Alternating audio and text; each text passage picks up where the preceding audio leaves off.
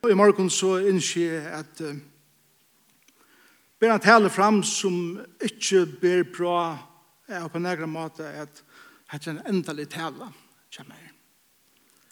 Men det er en tale som er som, akkurat som vi jøkken tar sørst og talen der som vi har haft um, innebær nok snakka tøy som ligger mer øyla djupt av hjertet når jeg mine hjärsta malen. Begge som personer og i løyven men eisne som leiare og som en tryggvand maver som gonger i en sankume og som hever bøner og dreimer om at andre tryggvand skulle få meir eisne av til saman som jeg ikke etter i løyven. Og tog vil jeg begynne hvis jeg taler via sier så leis. Det er tog nu ønsken fordøming for de som i Kristi Jesus er. Man hatt å være båskapen framvis i Jesus ankommende. Og man hatt å være det som jeg kjenner okken som er folk. Det er ønsken fordøming for de som Kristi Jesus er. Om du er til i morgen, og du hever givet ut liv til Jesus Kristus som din frelsere, og du hever lagt ut liv for han og hever sagt at det takkje der fyrir at du døye for meg av krossen om. Jeg takkje der fyrir at du reis oppat fra hindeg og at du hever fyrir givet mer mine synder. Og jeg innskjer at, at vera tutt baden og at du skal teka bostad og i mine livet Og jeg ønsker fylkes vi her i jøkken løyve, løyga mye hvordan løyve er. Tøyt løyve hever en iveskrift som sier det er ønsken fordøming for det. Det er nekk sjålfordøming, det er nekk fordøming fra kvarnøren, det er nekk fordøming fra Satan som røyner at jeg leitje okkar løyv, men Kristus hever sett iveskriftene i vårt tøyt løyv, ingravera og i sunnum blåve at det er ønsken fordøming fire til. Det er veldig fantastisk for en ordentlig ammen her, men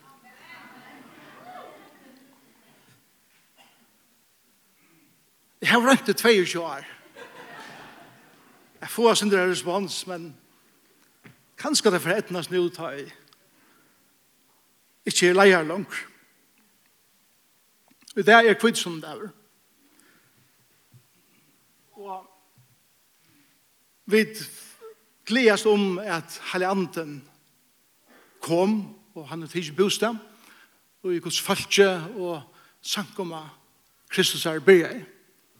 Men var Kristus ikke kommet, så kom hele anden helt ikke. Og det er noen ting som jeg husker om i løsene av oss her, at Det er tøyne og ikke fordøming for det som Kristi Jesus sier om.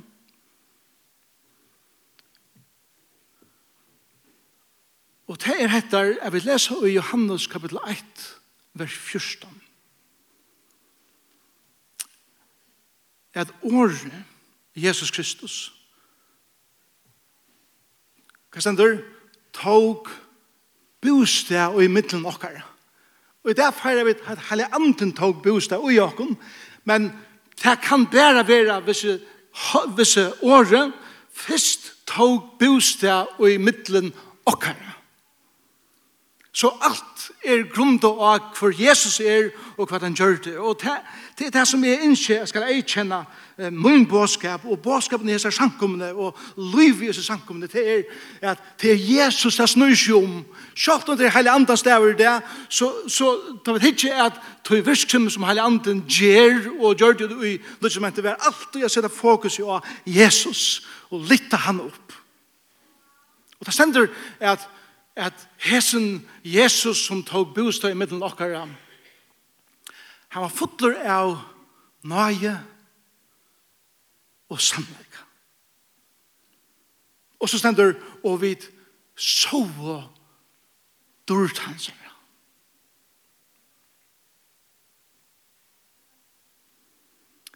Og så er det et som jeg har strust vi i øyne i går, Og som vi vet at øyne nekk strujast vi at, at skilja og, og røyne at, at sette inn i eh, sinne og en slik hatt der man røyner at, at skilja det. Og det heter at vi strujast alltid i middelen eh, av vi er nøye røyk og jeg sier sannleik.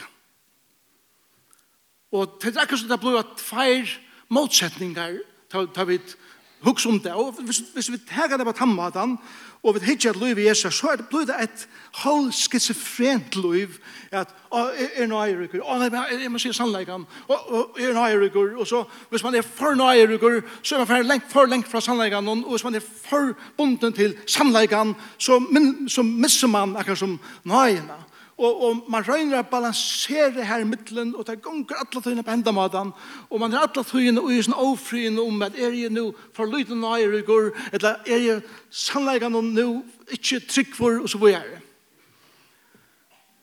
Og tjøkken årene som jeg har hukt er at her som jeg har rønt at lise skriftene i ljøsen av her som her. Og ikke røyne fettel ut her fettelene, men andre tøyene røyne at fornekk vil ha forlyd av enen, og fornekk vil ha lyd av hinnen, men at finne akkurat som hva er det? Sender han fotler av nøye og sannleika. Griske året og er griske året kai og agriskund. Og det er et år som de som du har grikst vita at det er bøker, at når bøker, bare skriver om det året, kai. Tror jeg at jeg kan vente så dreies på så reale jeg mater. Og ta i, jeg leser nå, her som er kommet til nå i løven, at det året at han er fotler i nøye og sannlega, så er det ikke tvær kontraster som er så ikke langer. Men det er tvei ting som faktisk høyre saman innbattla i hvert annet. Så hugsa jeg ser ideene ved meg. At, at det kunne faktisk være omsett så leis at Jesus var fotler og i nøye samleika. Og ikke ammen enn, det kommer kanskje. Og han lytter det. Han var fotler og i nøye samleika. Vi ørner om alt som Jesus kjørte hei alltid sannleik. Men hei eisen alltid nøye. Og i senn. Blir det være vi nå? Det er så integreret i hvers anna at han lever saman og høyre saman. Til ånka du at nå er det bare nøye, nå er det bare sannleik. Til alt du, alt som Jesus sier, vær kritra av sannleik, men samtidig kritra av nøye. Nøye Det som han sier var sagt på en sånn måte at de som hørte en sannleika som kom til vekk først kanskje kom eller nær var to uiladen såleis at åh, jeg kjenner meg omfemtan korsene til nøye sannleik. Det er nytt år til før sko årabøysene. Nøye sannleik. Og, og det som jeg husker om er, er hettar at ta vid færre ut eta. Så elskar vi at få en måltøy som vi vita er kjør til reier av en kotje som ui synen listarlega hofløye krytrar henne maten og gjer henne slik han hatt at ta i faen i munnen så presta bæra alle smakshansene tog at det er så vel gjørst. Men ta ut har vi bori ut, så var det bori ut, og han stod han hatt, at egene kommer heva en estetiska oppleving av at sutja hvordan dette vil servera. Det er akkurat som at det er heldar opplevelsen av hesser upplevelsen jag færre ut i äta at det kjer bare nega meira vimmer enn bare att skria att syndra mät i mig så er det i vissläget til trattar som, som Jesus innskjer av vi som tryggvande skulle liva.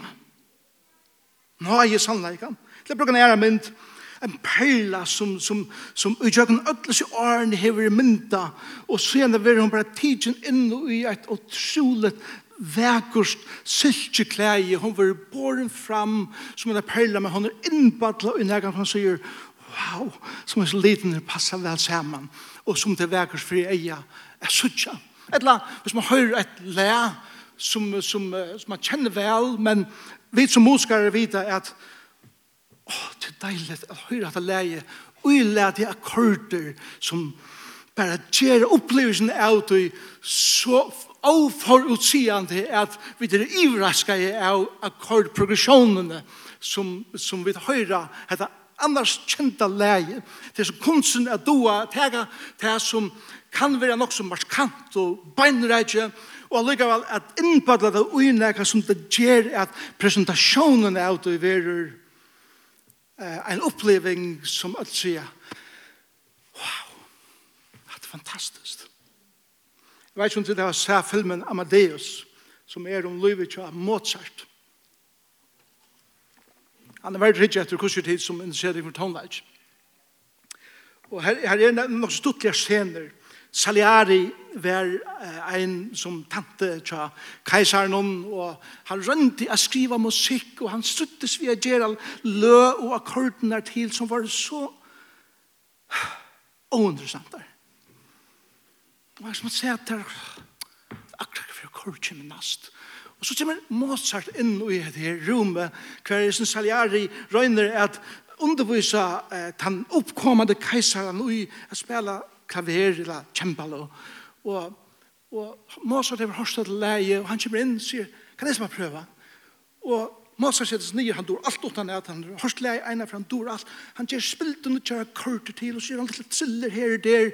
Og leie for et helt annet flå helt annet liv og hvis det unge maver som har rønt av lort til saliari han vaknar til jeg at wow presentasjonen er sånn her er så fantastisk og, og, og, og Mozart, og i sånne måter er at uilet av tonelike brøyte heimsøvna fra barokktonleik inn i klassiska tøyerskei, så tøy at han skapte noe nytt. Og det som Jesus minner oss nå, og i sin liv er at da han kom til gjerrar, så kom han ved noen nudjon, som var uilet til av en annan hatt, som gjør at folk som kjinket av han, og fyllde svinen, og hørte han, så at Vi tar ångad hørst når jeg kan undervise så leis. Vi har ångad hørst bådskapen om hvor god er presenterer han. Presenterer han hatt som man sier, wow, hatt han ville fylltja etter, hatt han ville være en pastor av, og det som god kallar okken til som gudsfolk, som liva som teg, som er og åttan fordøming i livene er at vi liva så er at maten vi presenterer okken på, og maten vi presenterer god på, er ikke den vanlige, gamle, ointeressante maten som vi lysa god som en sovande abba men som en livande frelsare som kommer inn i hverja situasjon, i ödlen liven, lika mykje hver du erst. Vi sin nøye samleika.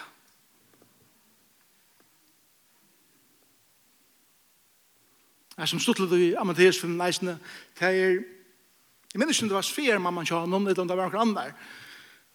Hon kom inn, og hon skjelte henne ut, for at Mozart heit, han trodde han, han, han, uh, ja, han spilte pengene bort, og han hokk seg ikke ordentlig om at han gav arbeid av kone kjøy, og henne her, arbeid av fotla, og Halda Svemor som kommer inn og hon, hon byrjar at råpa etter henne og hon hever seg snjøttel røttene og så leier det bare ut i at her at, at knapplega så hever Mozart gjørst en opera som heter Trillefløytan og i Trillefløytan er en scena som er nottar drottningen jeg har spalt hans åpna flere før da jeg spalt i åpne i Ísland.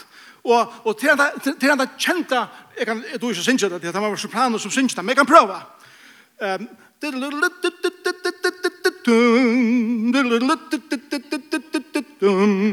Nå ser det?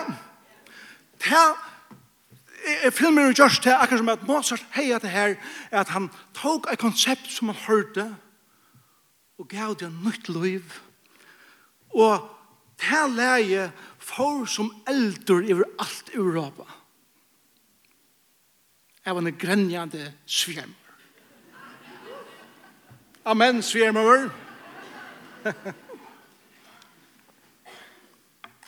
Så la seg det eia presentera kristendommen. Så seg det vidt eia liva til som Herren har givet oss. At liva. Og vi eia at, at koma vi nøkker som er Ikke nytt at han har at bådskaperen brøytest, han er alltid den samme. Evangeliet er alltid det samme. At Jesus døye for synder okkara, tog det opp av krossen, og reis opp for å gjøre okken liv, og teker alle fordøming borster, ta vi kommer til trikva han, og vi gjør okken liv til han. Det brøytes ikke. Og evangeliet som fer er fra tog, så, så livet vi til evangeliet. Det brøytes ikke. Men maten som vi lever på, maten vi presenterer det på, Må vi leta døye på, må fornudjast, reglelige, som tøyen fyr. Og tøy, tøy, kunne vi alt sija her i morgen som kjenner Jesus som okkar frelsare, at det er av nøye gods i er det som er. Papi, jeg elsker jeg sier hatt. Det, det er bare av nøye gods. Men det som det eisen betyr, er at ta og jeg byrja skilja nøye gods, og hvordan stor hun er, så må jeg være som Jesus, at han har, at jeg viser mine medmennesker. Nei, samleika. Vi er når hun, er ikke bensje for å tale sannleggen, jeg stander alltid fast ved sannleggen, jeg vet ikke fra sannleggen men det er av slik hatt, at det er kryddra vi nøye, det er nøyes akkorder som er sett her til henne melodien, det er smakkeren av hessene, mm, det smakkar, ta i faje sannleika som veri han, innpadla han ui hessa nøyina, som gjør det til nøye sannleika.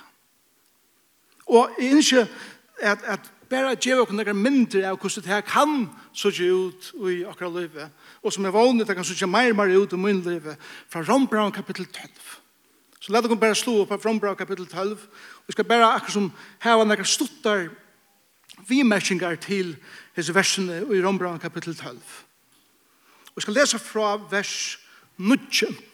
Så, så hese versene, lort til dette på pendamatan, er at dette vers som er skrivet til mennesker som byrja fæta hvordan står eh, hvordan står nøye sannlegg Guds er, som er nå, som hans er baden, som hans er døtter og hans er soner, skal nå djeva til ånder.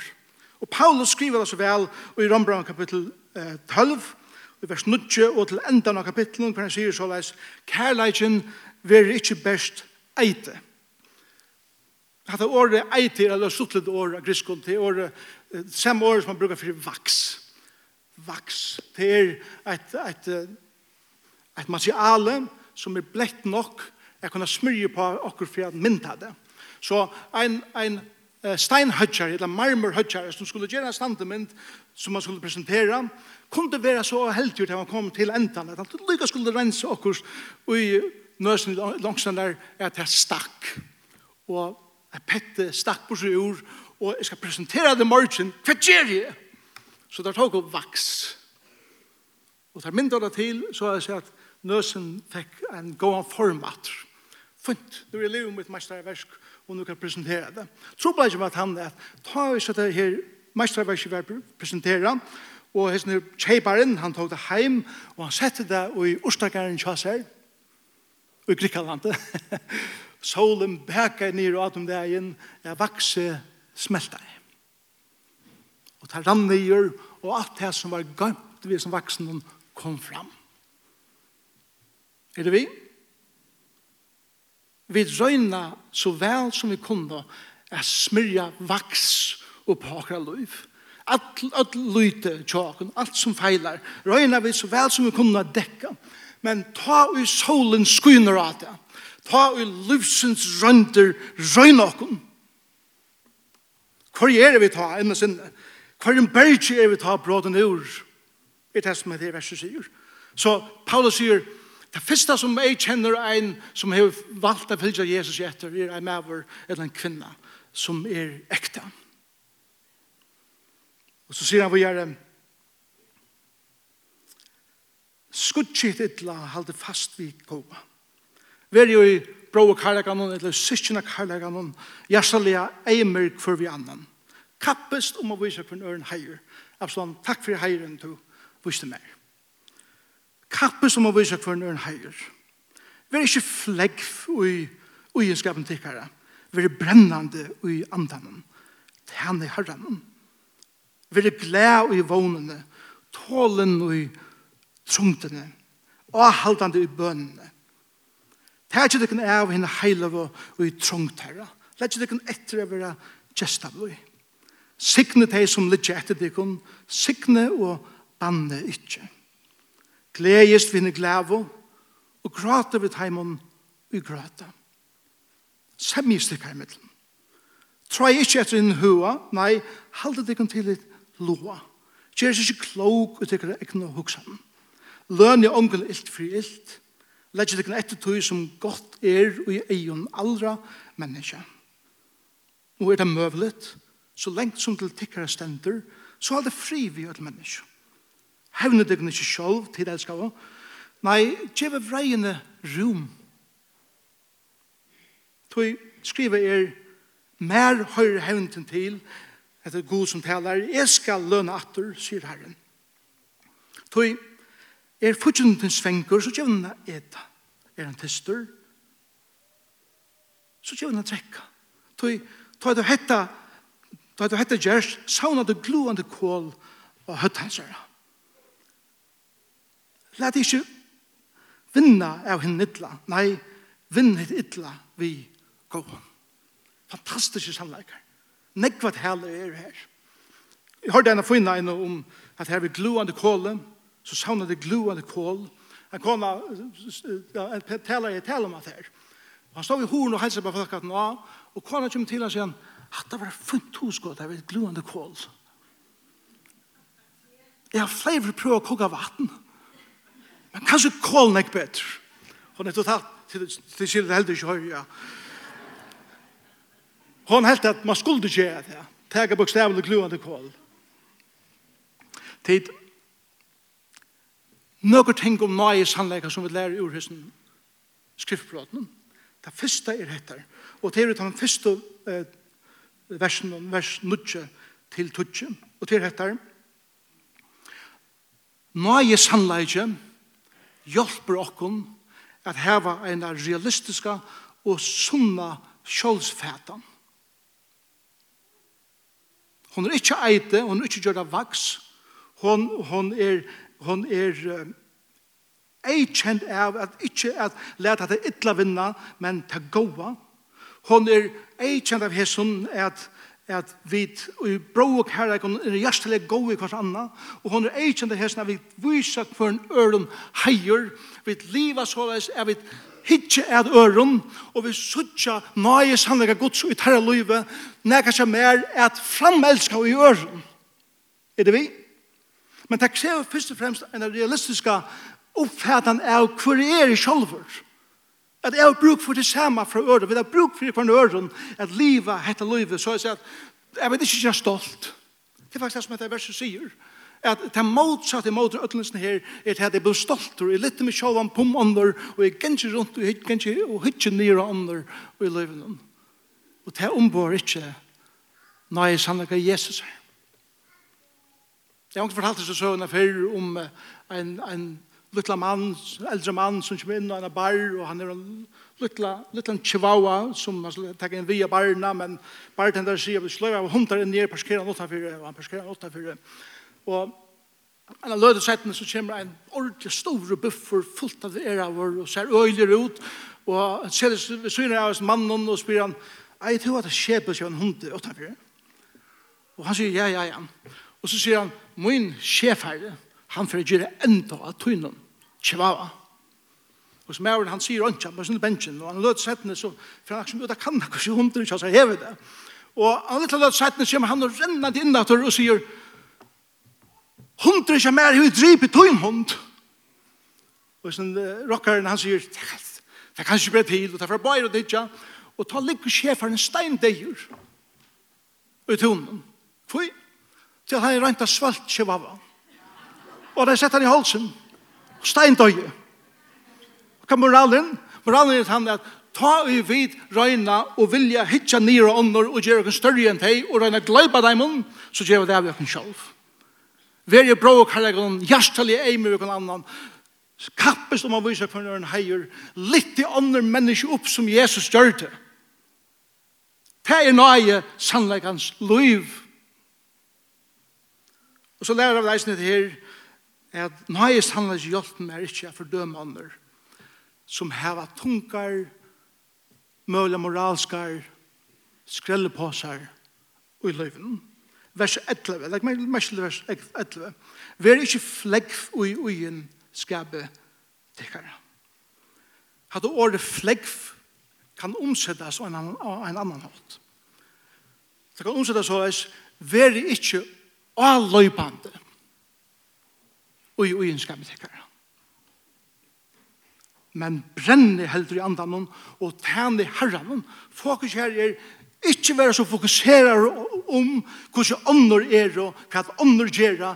Okkara fokus vi har fyllt Jesus skal være at jeg tæne herran han er mot fokus og ikkje mot grenn innan hvordan ånder livet Og vi öll strujast vi alt møvlet ui liven. Men ta og vi litt okken sjolv og pummånder og rattfisker okken sjolv og i maten hos vi liva til okken annar livet enn er. Til hiklerist. Og til det som Jesus tar seg aller mest om til han tar seg vi, vi farserner.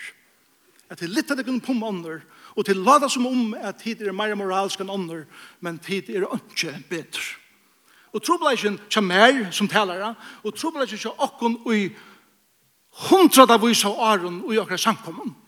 Er han at vi er så moraliserande i okra talen. Vi er så talande i motor öllum som på okra mata etter okra listen kan tidja seg vera skreift. Og vi standa så peisje for noen, og i stedet for at vi er konsentrere om hva det er som god gjer og i livet noen kja menneskjen som eisen strujast av samme hatt som er. Det er det som Paulus røyner å si av jokken. Her tar vi et liv og nøye sannleika, så er fokus ikke om hvordan ånder oppfører seg, det er hvordan mitt liv kan ei kjennes av at det tjener herren og det kan være en inspirasjon til at ånder ikke er fyllt for herren av samme hatt som er ikke. Et annet som vi lærer i versen er i snitt er at Nøye er sannleggen, hjelper mer, og jeg kommer til at bare bilen av kjøren, og jeg gledest vi gjør. Da vi ikke vilja bare bilen av kjøren, så gjør vi gjør vi et miskunnet leis.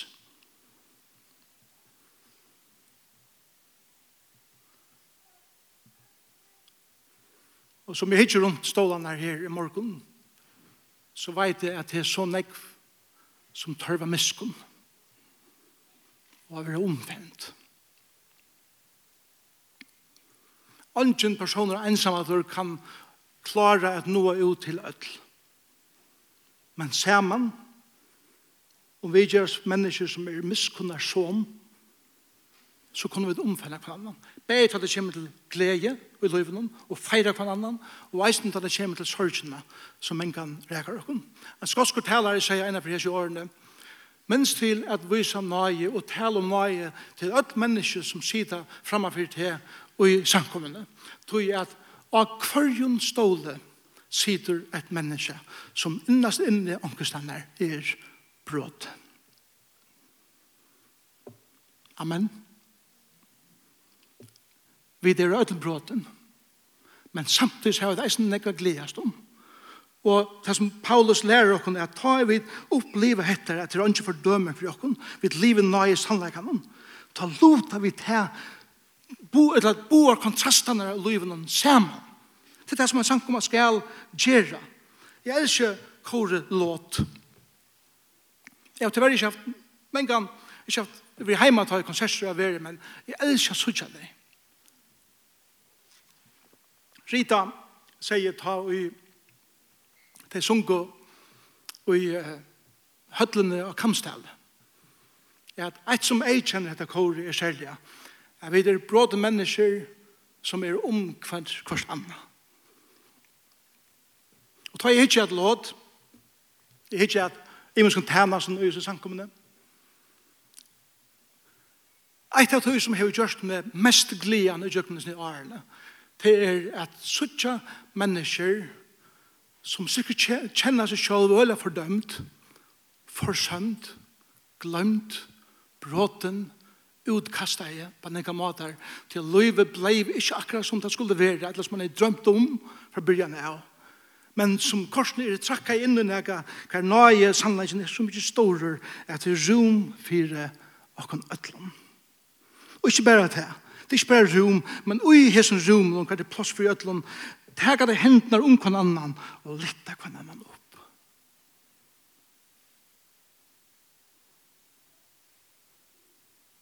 Det er praktisk kristendommer. Det er nøye sannhet. Vi dekker ikke tid hvor feilene som vi har gjort. Vi tar så opp i hele om der, men det er innbadler vi som nøyene som kjer det. Åh, det er trygt. Jeg kunne si hva det syest vi i løven her. Men ikke føle meg ukastet ikke fordømt han. Det må jeg kjenne seg samkomne alt og Og så sier han vi gjør det at Nå har jeg sannlig gjort meg eisende ikke at ilskast en ånder som ikke er lykka som vit. Det som vi strøyast øyne ofte vi og en samkommer er sjolver. Er det her vi er så stort skikt vi er så stort skikt at han har det vi halter at hvis du ikke praktiserer tøyna trygg på samme måte som jeg praktiserer mine trygg og du ser de prinsippene som jeg halter med til så er du ikke no goer tryggvand. Paulus sier her bænt i, i vers 16 og 16 eh, han sier her bænt vers 16 sørste setningen, kjæres ikke klok og tykker egna hoksanen. Vi gjør når hun ikke bare halte at det som du hoksar er det eneste. Vi sitter her og, og alle av oss er super superintellektuelle folk. Det er utrolig. og, og jeg stand her som, som en taler i Jøkken til årene, skal jeg fortelle til dere hvordan akkurat de skulle leva.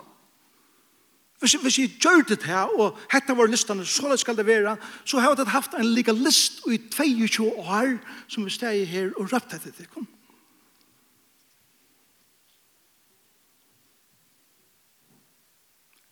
Vi kommer fra den møvelige bakgrunden. Legalisme er ta ut og teker en biblisk sannleika og gjørst noen prinsipper etter noen som er galdande for meg og alle andre til legalisme. Men nøyes handler ikke er at hette det som skriften sier, men til alle møvlige, alle møvlige loter som gjør at det, og i tøyne løyve, hvordan ditt løyve er, hva er din forhold er, hva er du er så løyven på nå, hvordan omstående ikke det er, det her vil lyse inn ui så hvordan du bruker hette din løyve, og i det.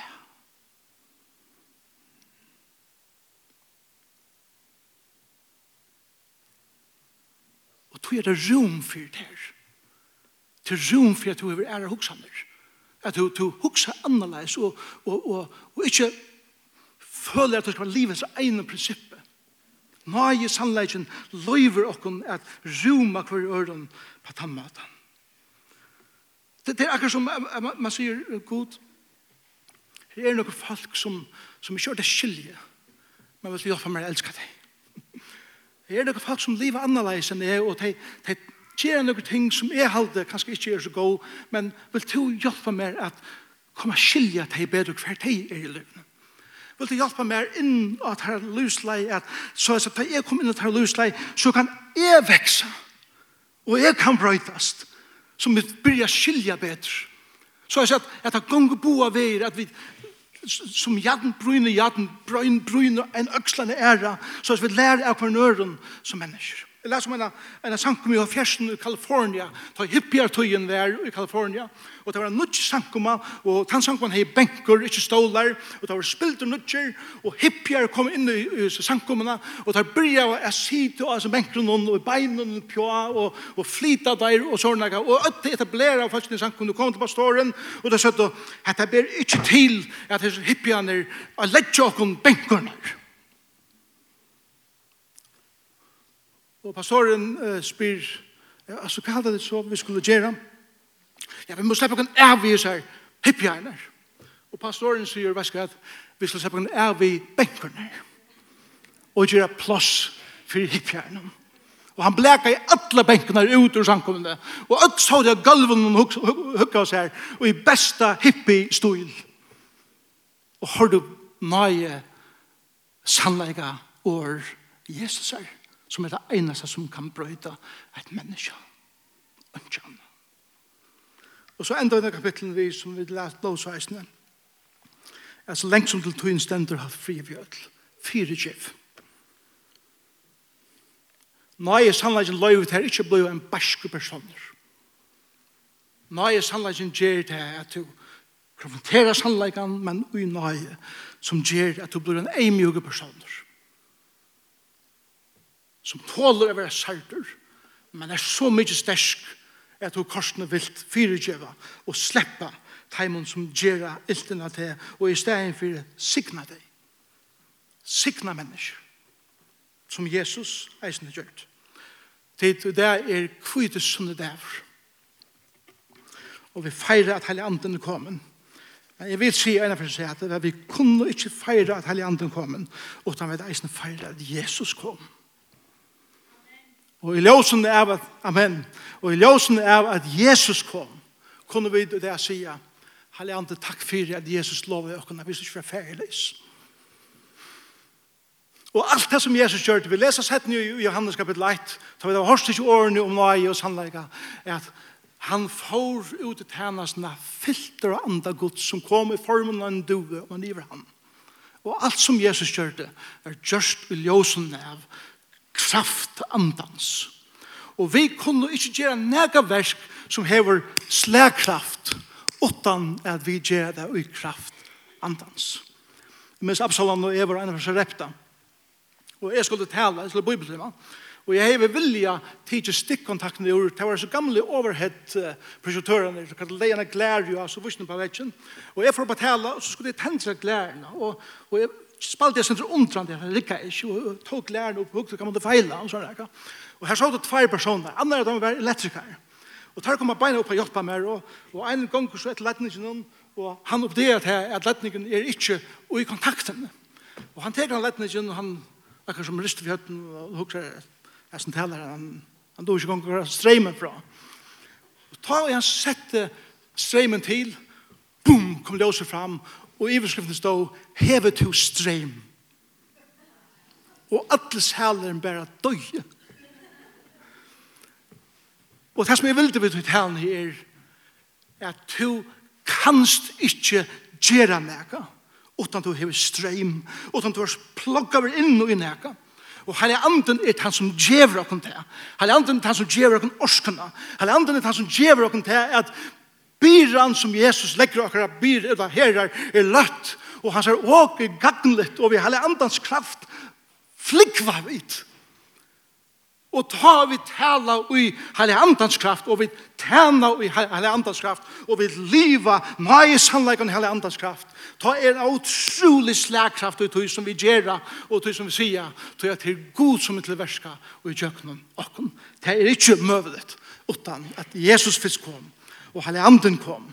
Og til gledes vi i det om at Jesus sendte heilige andan. sikkert sikten Her er sikten i okken, Jeg får unga vem, jeg får bare via tale seg talene, og jeg kjøkken årene som er fer framman, og jeg byr om at, at Herren skal Ein av en seta nutja leier i samkomna som vi kunne være vid til nu å være bakkar fyre og, og leie inn i et leie et nytt atali vi er og i hessare samkommun.